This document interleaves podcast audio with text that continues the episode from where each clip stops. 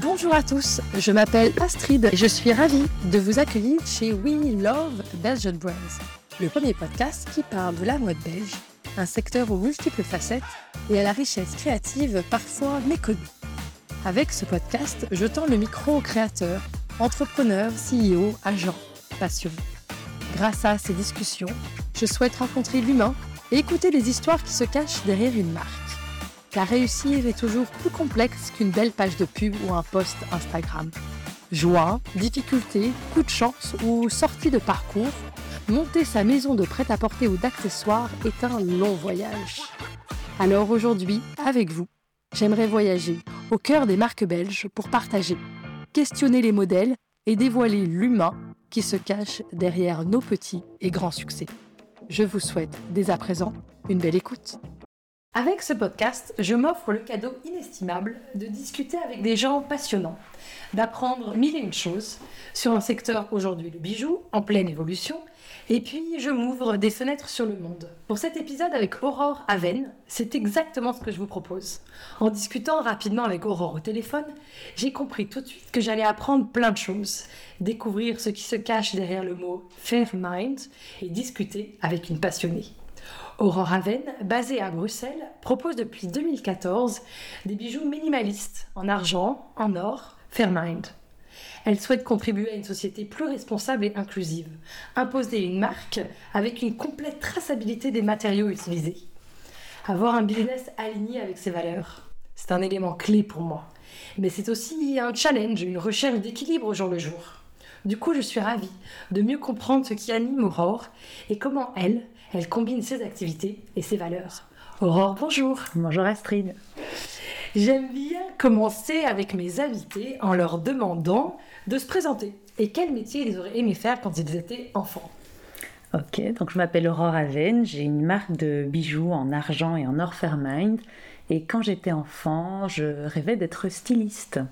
Ah oui, donc c'était déjà, c'était déjà dans, dans, tes tripes. Oui, tout à fait, tout à fait. Et quel est ton parcours? Qu'est-ce que tu as fait pour en arriver jusque-là? Alors j'ai pris quelques détours parce que si mon rêve était d'être styliste, ce n'était pas du tout celui de mes parents. Ah oui, je comprends ça. Le classique. Euh, donc euh, par défaut et parce que j'aimais ça aussi et surtout parce que je pensais que ça allait me mener à tout, j'ai étudié la communication. Euh, qui m'a, oui, qui m'a effectivement mené dans un domaine que je n'avais pas imaginé, l'aéronautique. Donc, ah oui. donc voilà, assez étonnant. J'ai commencé à travailler dans le département communication d'une entreprise qui entretenait des avions. Ok, et pendant combien d'années tu as fait ça Alors j'ai fait ça longtemps en fait, j'ai fait ça pendant 8 ans, mais euh, au bout de 3 ans dans cette entreprise où j'ai appris énormément, je voyageais beaucoup, franchement c'était un job de rêve pour un junior, chouette. super. Mais euh, l'envie de création est revenue Ouais. et j'ai commencé à prendre des cours du soir de joaillerie à l'Institut des Arts et Métiers à Bruxelles.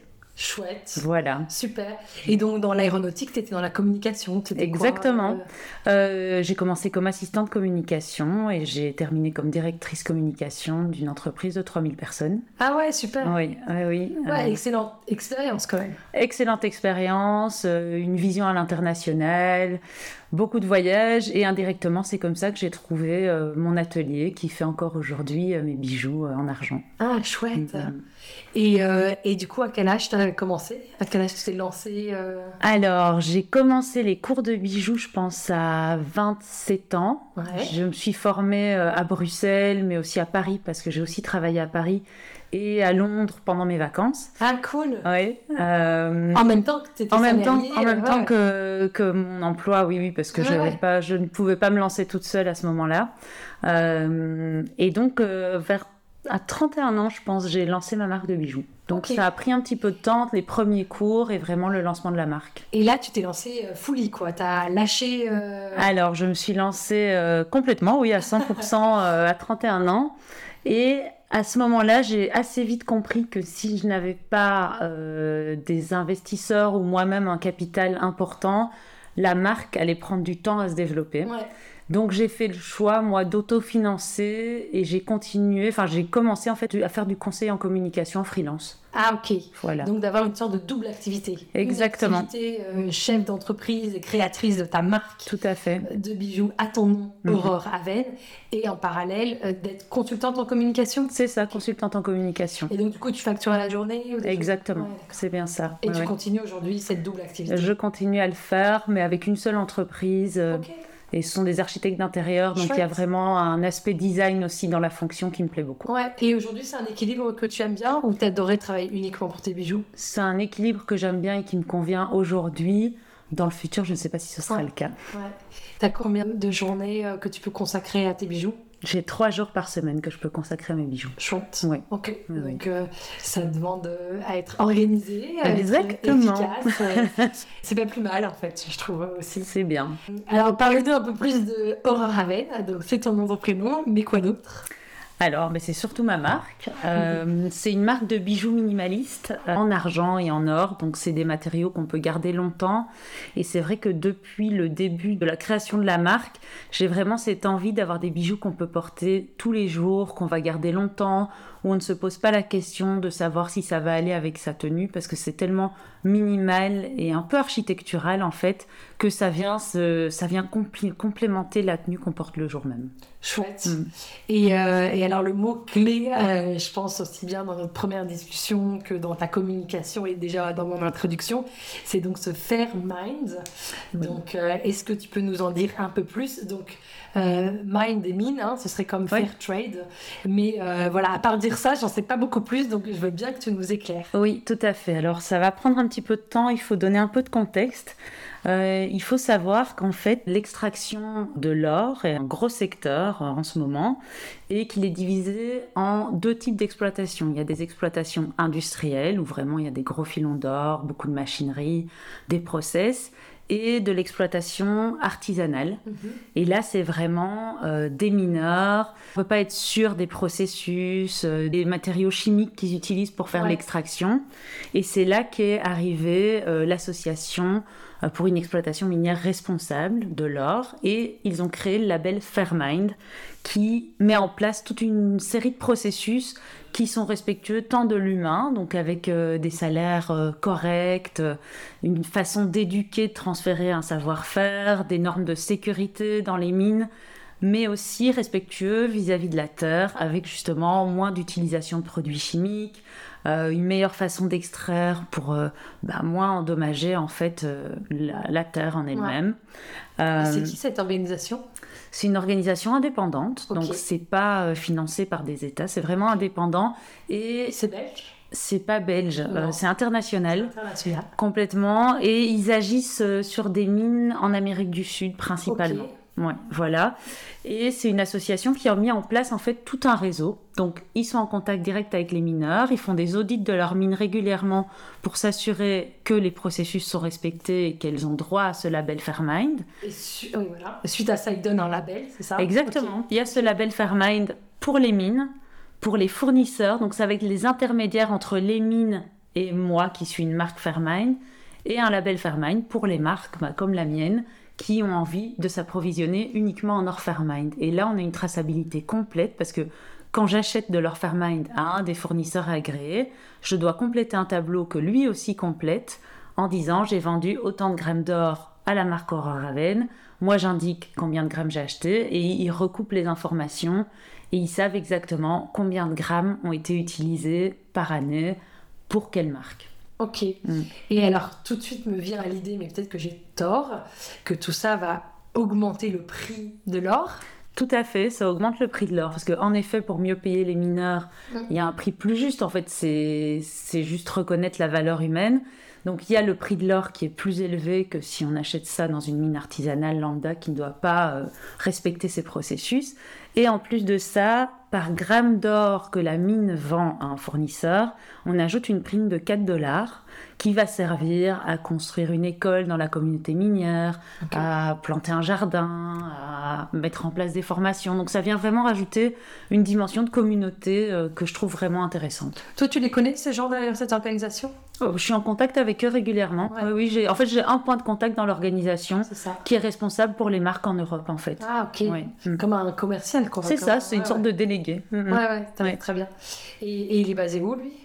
Alors, je n'en ai aucune idée. Non, on se parle uniquement par mail, euh, par FaceTime. Donc, c'est euh, par lui que tu passes euh, pour acheter ta matière première. Non, non. En fait, mon, fournisseur, c'est un de mes fournisseurs que j'avais déjà avant, ah. mais qui est aussi agréé Fairmine. Et donc, au lieu de lui acheter de l'or normal sans label, j'achète de l'or Fairmine. Il a mon numéro, il a mon numéro de licence Fairmine, donc il sait qu'il est autorisé à m'en vendre. Et donc, je commande ça en ligne. C'est hyper fluide. Et lui, il fait les deux? Ce fournisseur-là, oui. En fait, il y a pas mal de revendeurs qui vendent de l'or euh, tout à fait normal et qui ont aussi leur licence pour pouvoir distribuer de l'or Fairmind. Et toi, tu pourrais faire les deux? Euh, Je pourrais, si je voulais, mais c'est pas mon souhait parce que là, j'ai vraiment trouvé un processus où je peux utiliser l'or Fairmind pour toutes mes créations de bijoux en or. Et qu'est-ce que ça veut dire pour toi de faire appel à ce fournisseur et d'avoir ce label-là, Fairmind mais pour moi, c'est intéressant parce que, enfin, c'est intéressant, c'est, je dirais même que c'est primordial parce que je me pose beaucoup de questions, comme je pense beaucoup de gens autour de nous, sur le fait de produire des nouvelles choses euh, dans ce monde qui ne fait que produire des choses. Et euh, je me suis posé la question, en fait, à l'époque où j'ai pris la licence Fairmine, de passer sur de l'or recyclé. Mais à l'époque, je ne sais pas ce qu'il en est maintenant, j'avais vu que l'or recyclé, en fait, ça peut être de l'or qui a été fraîchement extrait, qui a été utilisé pour une chose, et les, les déchets, entre guillemets, sont refondus et c'est considéré comme de l'or recyclé. Et donc là, on n'a aucune garantie que l'or a été extrait dans des bonnes conditions, que les gens ont été bien traités, qu'il y a des produits chimiques qui ont été utilisés. Donc pour moi, c'était plus intéressant d'être sûr que les gens derrière cette industrie étaient euh, correctement traités, que c'était une industrie euh, respectueuse, euh, plutôt que de passer sur du recyclé, parce qu'en fait, l'industrie de l'extraction de l'or a tellement de valeur, c'est pas une industrie qui va s'arrêter. En tout cas, pas à l'heure actuelle. Personne ne va prendre la décision d'arrêter. Donc, si on peut au moins changer les pratiques et amener des choses meilleures au sein de ces pratiques d'extraction minière, j'ai pris ce choix-là. Ok. Voilà. Super. Non, non. En fait, c'est autre chose. L'or recyclé, euh, ce que j'avais compris, tu sais, avec ma discussion avec mhm. euh, Stéphanie, euh, de June a fait dans les premiers épisodes du, du podcast, c'est que beaucoup de fabricants d'or prétendent que l'or est toujours recyclé.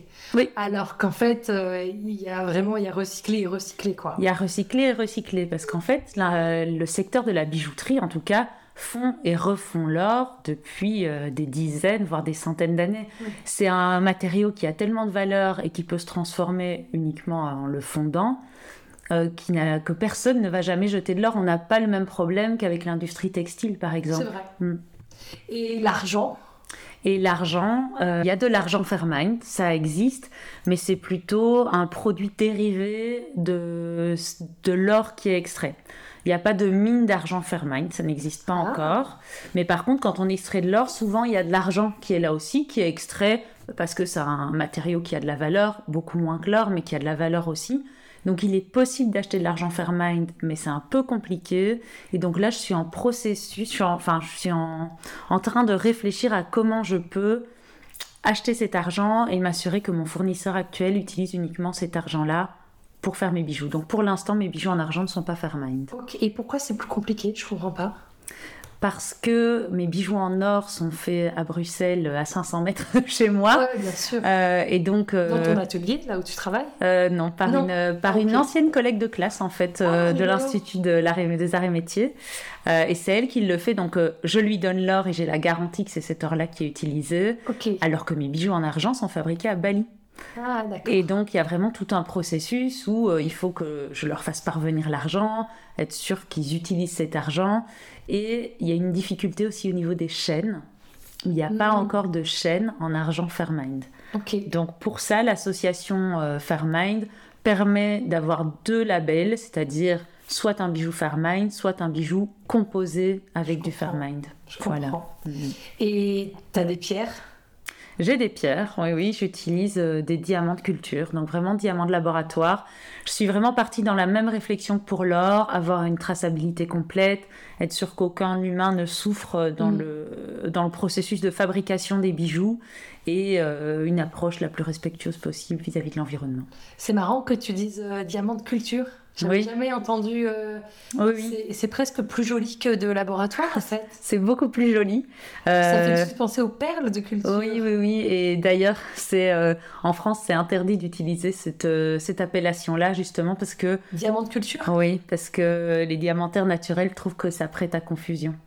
Euh, mais en Belgique, euh, voilà, c'est trop beau, c'est trop Ouais. vendeur, Ouais, donc ouais, euh, Ils adorent dire euh, diamant de synthèse. quoi. voilà, exactement, exactement. Ouais. Alors que, euh, au final, un diamant de culture euh, subit le même processus qu'un vrai diamant, et c'est un vrai diamant, c'est mis sous pression, sous des fortes chaleurs, ben, comme euh, Juna Ouais. Fay l'a expliqué, Ouais. et il en sort une pierre euh, qui est en tout point euh, identique à un diamant naturel. Ouais, bien sûr. Mm.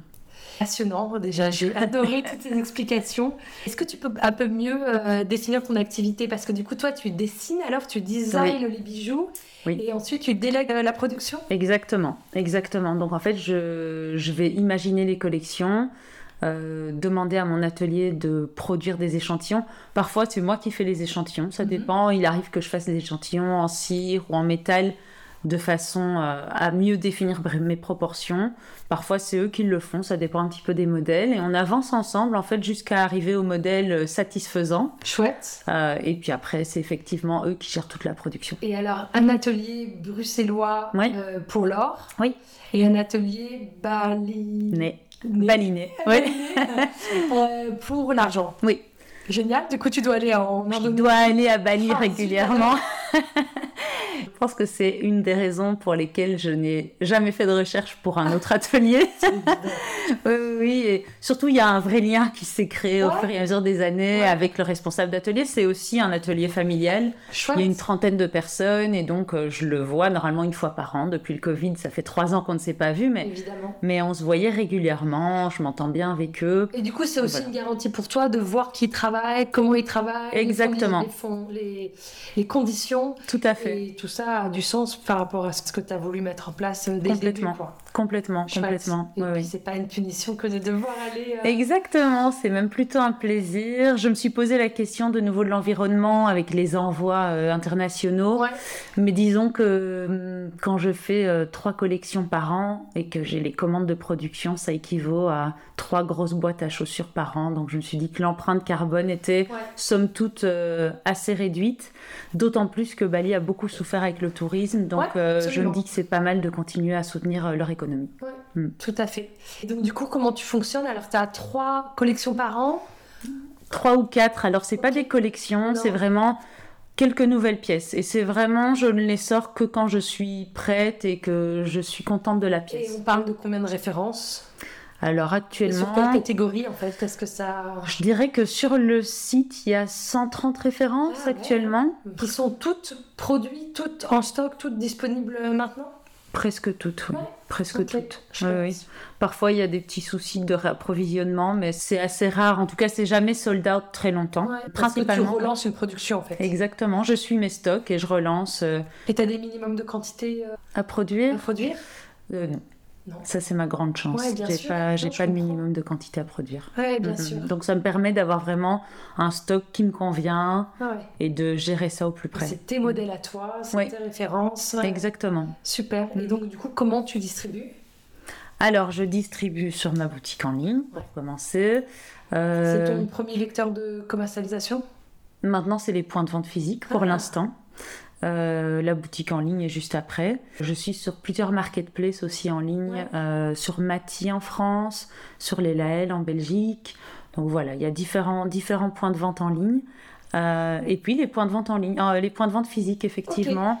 Donc plusieurs boutiques à Bruxelles. J'ai également un pop-up. Je participe à un pop-up dans les Galeries Royales Saint-Hubert en ce moment. Super. Euh, et j'ai aussi un point de vente en Suisse et et un en France. Et comment ils t'ont trouvé, par exemple, les Suisses ou les Français? Alors ça, c'est des clients historiques, parce qu'en Ah. fait, quand je me suis lancée, au bout de un an et demi, j'ai participé à des salons professionnels, donc première classe à Paris.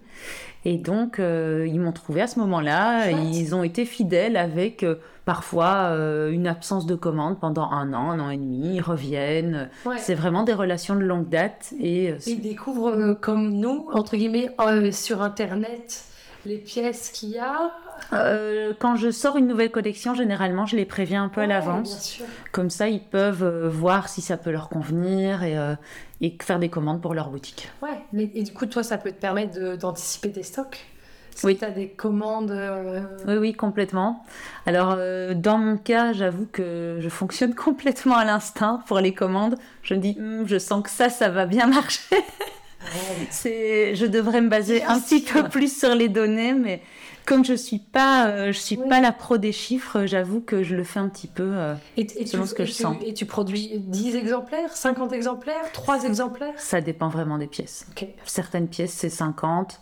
En fait, j'ai en fait ce qui Ouais, se passe, c'est que comme mes bijoux sont vraiment intemporels, j'ai des pièces que je vends très bien depuis le début.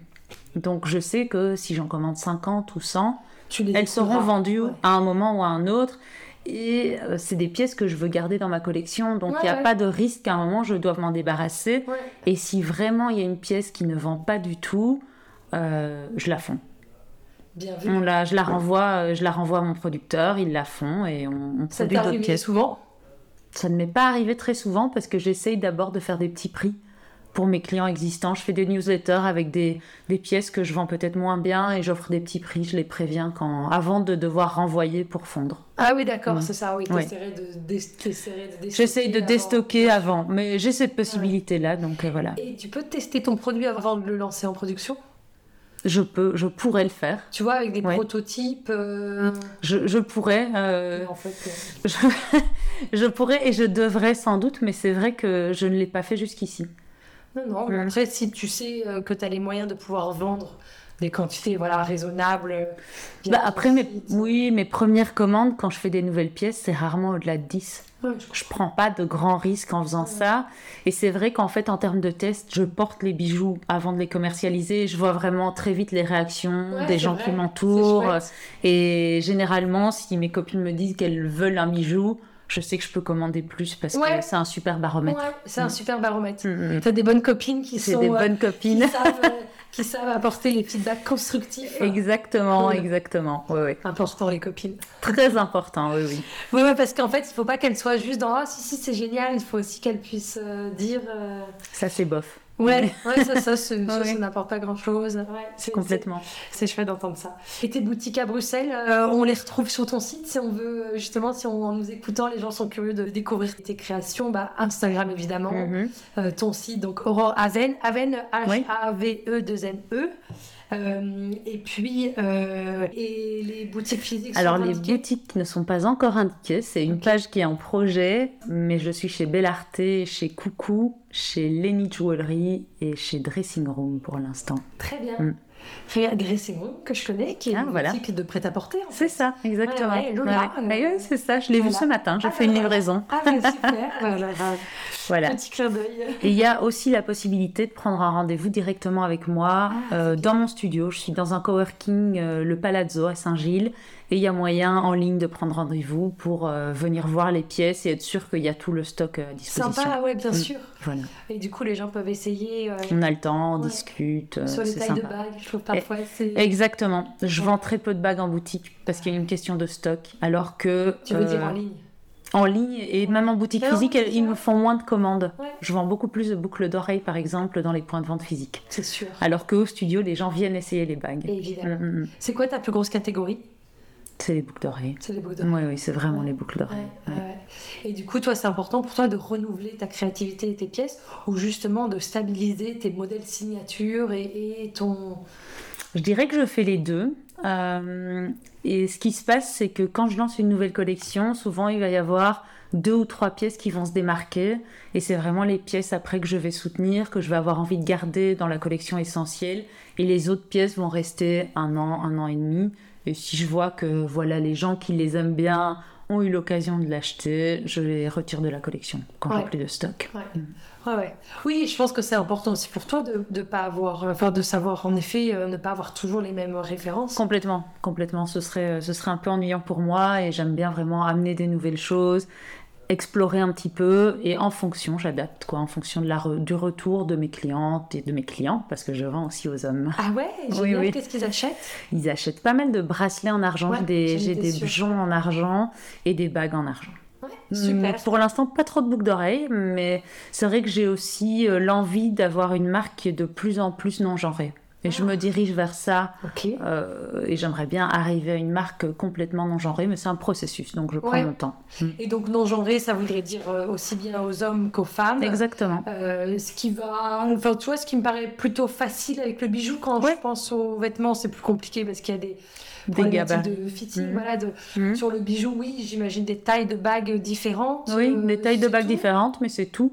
C'est tout, et je trouve qu'il y a vraiment quelque chose qui est en train de bouger. On le voit de plus en plus, même sur les tapis rouges, les hommes qui commencent à vraiment porter beaucoup de diamants, des bijoux, euh, des bijoux beaucoup plus visibles, alors qu'avant, euh, c'était une montre, euh, une alliance et c'est tout. Là maintenant, on a vu sur les derniers, euh, les derniers tapis rouges des broches, des boucles d'oreilles imposantes. Et je trouve ça assez passionnant comme, euh, comme changement et j'ai envie d'explorer ça aussi. On dit que euh, dans l'Antiquité, les hommes portaient énormément de bijoux. Oui, c'est vrai. Et on se demande pourquoi ce serait une catégorie liée à la femme. Parce ah que je pense que les hommes seraient autant friands de, de coquetterie et d'envie de beau et de belles choses. C'est sûr que quand on voit les bijoux des pharaons, effectivement, ils portaient beaucoup plus de bijoux que nous. Hein. oui, oui. Et les hommes, euh, ils ont un peu que, le, que la montre, entre guillemets, mhm. alors qu'en fait, ils pourraient avoir euh, plus, quoi. Complètement. Et j'ai de plus en plus de clients hommes aussi, d'ailleurs. Et c'est mm. quoi, 1% ou quand même 10% de ton... C'est difficile à dire, je dirais entre 1 et 5%. Ouais, ça me. Mais c'est beaucoup plus qu'au début déjà. Donc ouais, voilà, oui, oui. Vrai, complètement. Chouette. Et ils vont vers l'argent, j'imagine? Vers l'argent, ouais. Ouais, complètement. C'est encore un, un, frein supplémentaire. Non, non, à part les alliances. Quand je fais des alliances sur mesure, là, l'or jaune, ça passe bien aussi. Or jaune, or blanc, ça c'est indifférent. J'en ai autant l'un que l'autre. Autant des bijoux vraiment en tant qu'accessoire euh, quotidien, ça va être de l'argent et assez épais. Tu trouves que c'est des clients différents, euh, les clientes qui achètent de l'argent et les clientes qui achètent de l'or, ou tu as des femmes qui achètent les deux indifféremment? Non, généralement, quand une femme achète de l'or, elle porte que de l'or. Hein, et de l'argent, elle ne porte que de l'argent. C'est ça, hein, euh, deux, deux, deux catégories, exactement. Après, euh, c'est assez intéressant. Il y a hum, plusieurs consultantes en images qui proposent ça, les saisons un peu des femmes, enfin en fonction de la couleur de sa peau, la couleur de ses yeux. Parfois, l'or ou l'argent va mieux. Alors moi, j'ai fait une consultation comme ça pour voir quelles couleurs me vont bien. Et c'est vrai que euh, la consultante m'a dit que moi, c'était l'argent, par exemple. Et c'est vrai que c'est quelque chose que je ressentais instinctivement. Et je portais très rarement de l'or, mais même quand je le portais, je me sentais moins, euh, moins bien que quand je portais de, de l'argent. Moi, ce serait l'inverse. Toi, ce serait l'inverse, complètement. Je me sens vraiment euh, or. Oui, oui, oui. Non, mais complètement. Euh, j'aime l'or. Je trouve mm. que c'est vraiment. Et ça va bien à ton teint aussi. Ouais, je mm. crois. Complètement. Et pourtant, je trouve ça très joli, l'argent, mm. évidemment. Et j'ai eu une période d'argent. Ok. mais tu vois, ado, quoi. Adolescente, oui. Normal. Oui, oui, normal. Et l'or, c'était un peu un truc de dadane, quoi. Oui, je oui. Je trouvais ça. Complètement, alors que maintenant, il y a quand même une vraie tendance sur le bijou doré. Et c'est là que, bon, moi, j'offre tous mes bijoux en argent et en argent plaqué or ou en or massif pour certaines collections. Euh, mais c'est vrai que j'ai l'impression pour l'instant d'être une des rares à tout proposer aussi en argent. Ouais. Et c'est quoi d'ailleurs ton pourcentage? Il y a plus de, plus de clientes, enfin plus de chiffre d'affaires généré mm. par l'argent ou par l'argent plaqué or ou par l'or massif. Alors, euh, c'est assez marrant. Sur la boutique en ligne, c'est moitié-moitié. Euh, argent, argent plaqué or. Et dans les boutiques dans lesquelles je suis pour l'instant, c'est plus de l'argent plaqué or. Parce que je pense que c'est une tendance, actuelle. Je suis d'accord. Mhm. Je suis d'accord, je pense que c'est vraiment une tendance actuelle. Mhm. Ce serait quoi aujourd'hui tes difficultés, tes challenges? Alors il y a le challenge dont je parlais plus tôt, euh, c'est-à-dire mettre en place le Fairmind euh, pour l'argent et avoir un processus euh, complètement traçable à tous les niveaux. Et euh, vraiment avoir une stratégie de vente claire, et on en parlait avant. Exactement. Et ça, j'aimerais vraiment définir aussi. Parce que ça a fort fonctionné à l'instinct ces dernières années. Et ça a marché, mais je pense qu'il y a moyen de faire mieux. Ouais, mm. tout à fait. Et en effet, j'expliquais à moment que c'est un peu mon dada, mm. que d'aider des profils créatifs à vendre et à définir leur discours de vente et leurs valeurs pour pouvoir euh, attirer les bons clients et aussi définir c'est quoi les canaux de distribution qui existent et qui seraient les plus pertinents pour une croissance. C'est quoi pour toi les éléments clés, les milestones de, de ta marque? Parce que 2014-2022, on arrive euh, oui, gentiment sur une petite dizaine d'années, en tout cas 8 ans d'expérience. Complètement. Alors, je pense que la première chose qui m'a marqué, c'était mon premier pop-up. Euh, pendant un week-end, avec une autre amie créatrice, on a eu un pop-up dans les Galeries Royales à Bruxelles. Mhm. Et c'était vraiment les premières fois où des personnes que je ne connaissais pas achetaient mes bijoux. Ouais, bien sûr. Et ça, ça a vraiment été une, une sorte de révélation, quoi. Tout d'un coup, je me suis dit, ah, mais c'est possible, en fait. Alors qu'avant, c'était plutôt quelques amis qui achetaient. Voilà, exactement. Donc ça, c'était vraiment un gros milestone pour moi. La fast test. Exactement, oui. Je ne l'appelais pas comme ça, mais... Bah et c'est un truc que beaucoup de créateurs, et c'est pour ça que je me permets de, de te couper mm. et de revenir dessus, parce que je trouve que c'est une étape que beaucoup de créateurs euh, oublient, mm. euh, qui est de tester en dehors du cercle amical et familial et de voir dans quelle mesure son projet est scalable, tu vois, et ça peut monter en échelle. Euh, ça peut grossir sans que ce soit lié à toi, ton, réseau, ton, ton, charisme, que les gens achètent pas plus pour toi, mais, mais pour la pièce en elle-même. Exactement. Donc, ouais, première phase test, bah, tu vois, c'est chouette que tu dis ça. Je pense que c'est en effet, c'est la première fois que tu prends conscience que le bijou plaît pour lui-même. Oui. Oui, c'est vraiment ça. C'est vraiment ça. Et qu'on n'achète pas pour me faire plaisir. C'est hyper important, ça. Ouais, ouais, J'étais tellement contente. euh, ensuite, un autre, euh, un autre milestone, c'était mon premier salon professionnel. Donc, première classe à Paris dont on a parlé. Donc, avant euh, Covid, on parle de... Ah oui, oui, bien avant. Bien avant. ça devait être quoi 2000... 2017. J'avoue que j'ai pas la date euh, claire en tête. Euh, et là, j'ai eu des commandes bah, de Suisse, de France et du Japon. Et ça, ça m'a vraiment, euh, ça m'a vraiment fait plaisir de me dire que mes bijoux se retrouvaient au Japon parce que j'ai une affinité avec ce pays. Et je pense que mon style de bijoux convient très bien au style japonais qui est assez proche du style belge aussi, je trouve. Tout à fait, euh, c'est connu. Hein, il y a pas mal d'effets ping-pong, de résonance entre Belge et Japon. Je crois que beaucoup de créateurs belges, euh, je ne me trompe pas si je parle de Anne de Palmester ou de mm qui ont vraiment des, belles, des belles distributions au Japon et qui a une appétence des Japonais pour euh, l'identité belge. Et justement, ce, ce, mot-clé qui, qui, définit aussi bien ta marque et ce minimalisme, mhm. je crois que plus que d'autres pays, le, Japon en est oui. Oui, oui, tout à fait, tout à fait. Chouette. Ouais, c'est un joli milestone. Oui, dépasser les frontières. Pour moi, oui, c'était vraiment important. Euh, et puis un milestone récent, c'est vraiment la création de la première collection euh, de bijoux en or massif, Fairmind. Donc vraiment me dire que euh, bah, vraiment mes considérations pour pour un monde plus éthique, j'arrive à les intégrer dans mon entreprise et à faire bouger les lignes moi-même aussi, un peu à prendre mon pouvoir. Quoi. Ouais, mm. super. Et du coup, monter en gamme de prix? Et monter en gamme de prix. Ah oui, oui. Euh, c'est un oui, complètement, complètement. Et euh, j'ai un bon retour. C'est en fait c'est une collection de bagues. Ouais qu'on peut combiner. Donc euh, c'est vraiment, je me suis dit que c'était intéressant, il y a cet aspect d'alliance euh, et d'amour un peu passionnel, mais j'avais envie que ce soit des bagues aussi, où ça peut être une maman qui offre ça à sa fille, ou une amie, ou un lien entre euh, tous les hommes d'une famille aussi, ça pourrait être ça. Enfin voilà, je voulais aller plus loin dans cette notion d'amour, et, et, je trouvais ça intéressant de mêler ça à Fairmind justement, parce qu'il y a cette idée aussi de responsabilité. Ouais, mm. absolument. Et euh, du coup, on est quoi comme gamme de prix sur cette Ça euh, commence à 350 pour vraiment la bague toute fine. Et sur la plus grosse, on est autour de 2000 euros. Super. Mm-hmm. Et du coup, par rapport au plaqué or? Oui, alors en fait, pour les autres bijoux, l'argent, on a une entrée de gamme à 55 euros mm. Qui va jusque, je dirais, 250 pour le plaqué or. Mm. Et pour toi, c'est vraiment euh, ce qui, a, ce qui est le plus important, ce, cette, euh, enfin, ce, développement des collections or massif, Fairmind c'est important et ce qui, est très important, c'est que pour l'instant, la plupart de mes clients achètent mes bijoux en argent, en argent plaqué or, et donc j'ai envie de leur offrir la même chose. Euh, et ça, c'est vraiment mon, prochain step. Chouette. Mm, mm, mm. C'est des jolis milestones. C'est cool, hein, des jolies évolutions, euh, évolutions de, de marque. Euh, et du coup, en 8 ans, euh, en 8 ans de, de, de marque, euh, bah évidemment, tu as appris plein de choses et tu as fait aussi des erreurs et tu as rebondi comme j'imagine tout entrepreneur. Mais qu'est-ce que tu aurais aimé savoir avant de te lancer? Et qu'est-ce que tu conseillerais du coup à un jeune qui commence? Euh, alors, qu'est-ce que je lui conseillerais? Alors, la première chose, c'est euh, quand on est employé, passer indépendant, ça peut vraiment faire peur.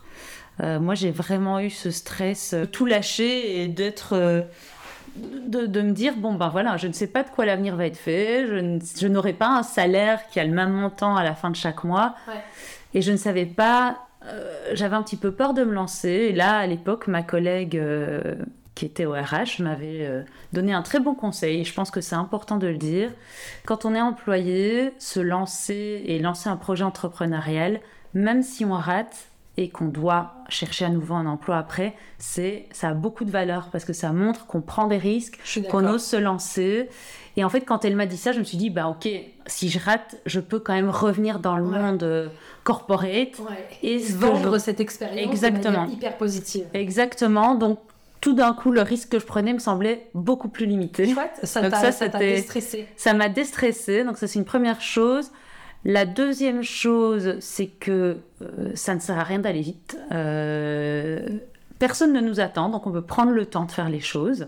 L'argent, c'est ça le problème. L'argent, c'est parfois. Oui, voilà. Après, moi, j'ai choisi de, j'ai choisi de travailler un petit peu à côté Ouais, pour pouvoir me financer. Donc, j'ai pas eu cette idée d'être dans, dans l'urgence, et je pense que c'est ça aussi qui fait ma marque aujourd'hui. Ouais. Et surtout, ben voilà, j'ai continué à travailler jusqu'au moment où j'ai pu me lancer. Euh, donc voilà, il n'y a pas besoin d'avoir une coupure euh, claire et nette du jour au lendemain. Ça peut se construire au fur et à mesure. Dans les bons Ah. tips euh, qui Ouais. font que je me permets de rebondir, Vas-y, vas-y. c'est en effet de commencer en, en statut complémentaire. Oui, oui, oui, Tu vois, complètement. C'est d'avoir ton job Mhm. de salarié, d'avoir un statut, euh, un statut complémentaire euh, d'indépendant, de Mhm. lancer comme ça. Et après, même, euh, tu peux te faire licencier. Mhm. euh, et du coup, euh, tu vois, tu peux avoir C'est ce que j'ai fait. un an ou deux. Oui, oui, tout à euh, fait. toucher, toi, ça, je trouve que c'est des bons, des bons parachutes, quoi. Complètement. permet, Ça donne euh, une sécurité.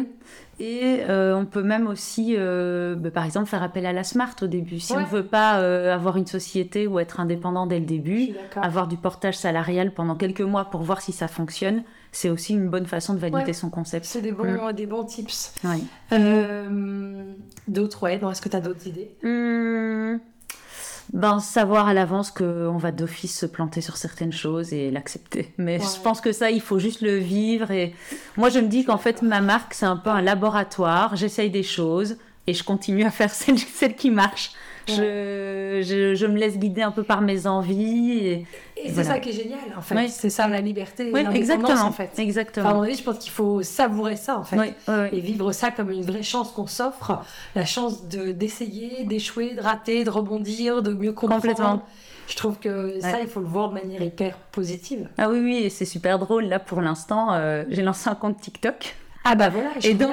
On se marre, j'ai une stagiaire, on s'amuse, on fait plein de vidéos. Bah ouais. Franchement, en termes de résultats, il ne se passe pas grand-chose, Ouais. mais on s'amuse, on fait des chouettes choses. Ouais. euh, Enfin, je pense que ça nous fait plaisir à toutes les deux, donc on va voir. Quoi. super. Mhm. Et ben tu vois, c'est dans ma to-do aussi de me mettre sur TikTok pour au moins observer. Oui.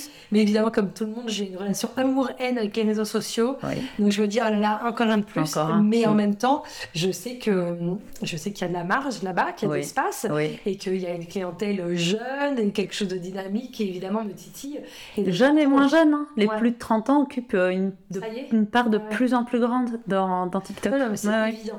En tant que marque, même quand on a un service à offrir, c'est intéressant Mm. d'être sur, euh, sur TikTok. Complètement.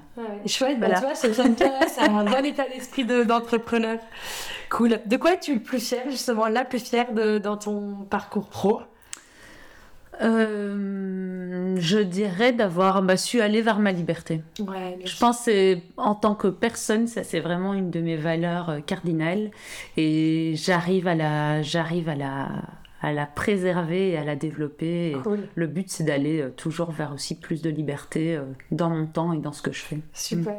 Mm. On, on l'a un peu dit euh, à travers no- notre, notre conversation, mais ce serait quoi les valeurs, justement, ou, ou les mots-clés de, de ta marque? Euh, le minimalisme, Ouais. l'intemporalité dans le sens où Ouais. c'est quelque chose qui va durer. Et donc c'est une notion de responsabilité aussi. Euh, le... Quels seraient les autres mots-clés? Le fait d'aller avec tout et d'être vraiment un objet qui accompagne au quotidien. Et hum, l'éthique. et l'élégance. Il y a une forme d'élégance dans, dans, les objets que, que je crée. Hum. Chouette. Ouais, ouais, je suis d'accord. Mm. Et, euh, et aujourd'hui, tu vois, je disais ça en introduction, j'avais vraiment le sentiment que c'était quelque chose d'important pour toi, ce business aligné avec tes valeurs. Mm-hmm. Aujourd'hui, tu, tu, te sens euh, on peut toujours faire mieux. c'est ça. on peut toujours faire mieux. Euh, je suis en train de réfléchir. Alors, mes packaging sont déjà euh, éco-responsables, mais je pense que je peux aller un peu plus loin. J'ai envie de travailler un peu plus la matière, donc euh, je suis là-dessus aussi. Et, et, donc, voilà, pour moi, c'est aussi un processus d'amélioration constante. Mais voilà, comme, comme on disait, on est en chemin et on avance, quoi, du mieux qu'on peut. Et le bonheur et le chemin. Exactement. Exactement. Est-ce que Aurora Aven, c'est une marque belge? Qu'est-ce que ça veut dire pour toi? Être une marque belge, euh, c'est une bonne question. Je pense que. Marque basée à Bruxelles. Marque basée à Bruxelles, oui, complètement. Je pense qu'il y a dans une marque belge, je vais parler euh, en mon nom, mais il y a peut-être euh, une forme de modestie. Mhm. En tout cas, je pense qu'il y a un caractère belge un peu humble. Il y a un côté intellectuel aussi. On aime mhm. bien, bien réfléchir nos pièces. Et hum, un côté singulier, qui n'est peut-être pas à la mode, mais euh, qui, qui a une réflexion assez profonde. Super. Ouais. Ça me parle complètement, ce que tu dis. Ok. Euh, est-ce qu'il y a des, des gens à mode belge, aussi bien en, bijoux que d'autres secteurs que tu trouves inspirantes et que tu aimerais écouter à ce micro? Oui, euh, Dries Van Noten. Ouais. Euh, bon, moi je crée en argent et en or, mais il a un rapport aux couleurs et aux matières qui est dingue et, et j'adore. Et je trouve son approche justement aussi très humble et dans, même dans la façon dont dont lui, dont on le voit lui, son image, on comprend qu'il est proche de valeurs très naturelles, très artisanales, et j'apprécie beaucoup ça. tout à fait. Super. Et eh ben écoute, euh, c'était passionnant. Est-ce que toi, tu veux rajouter quelque chose? On est déjà à 41 minutes de discussion, donc je me permets de garder l'œil sur le voilà sur, sur oui, complètement. Euh, non, c'était vraiment un plaisir d'échanger. C'était mon premier podcast, donc euh, je suis contente. C'est l'année des premières fois. C'est ça. et merci beaucoup. Merci à toi, Aurore. J'ai trouvé aussi que c'était très intéressant et j'espère bien que ça en intéressera plein d'autres. J'espère aussi. Bonne continuation. Merci beaucoup, à toi aussi. Merci beaucoup d'avoir écouté cet épisode jusqu'au bout. J'espère qu'il vous a plu.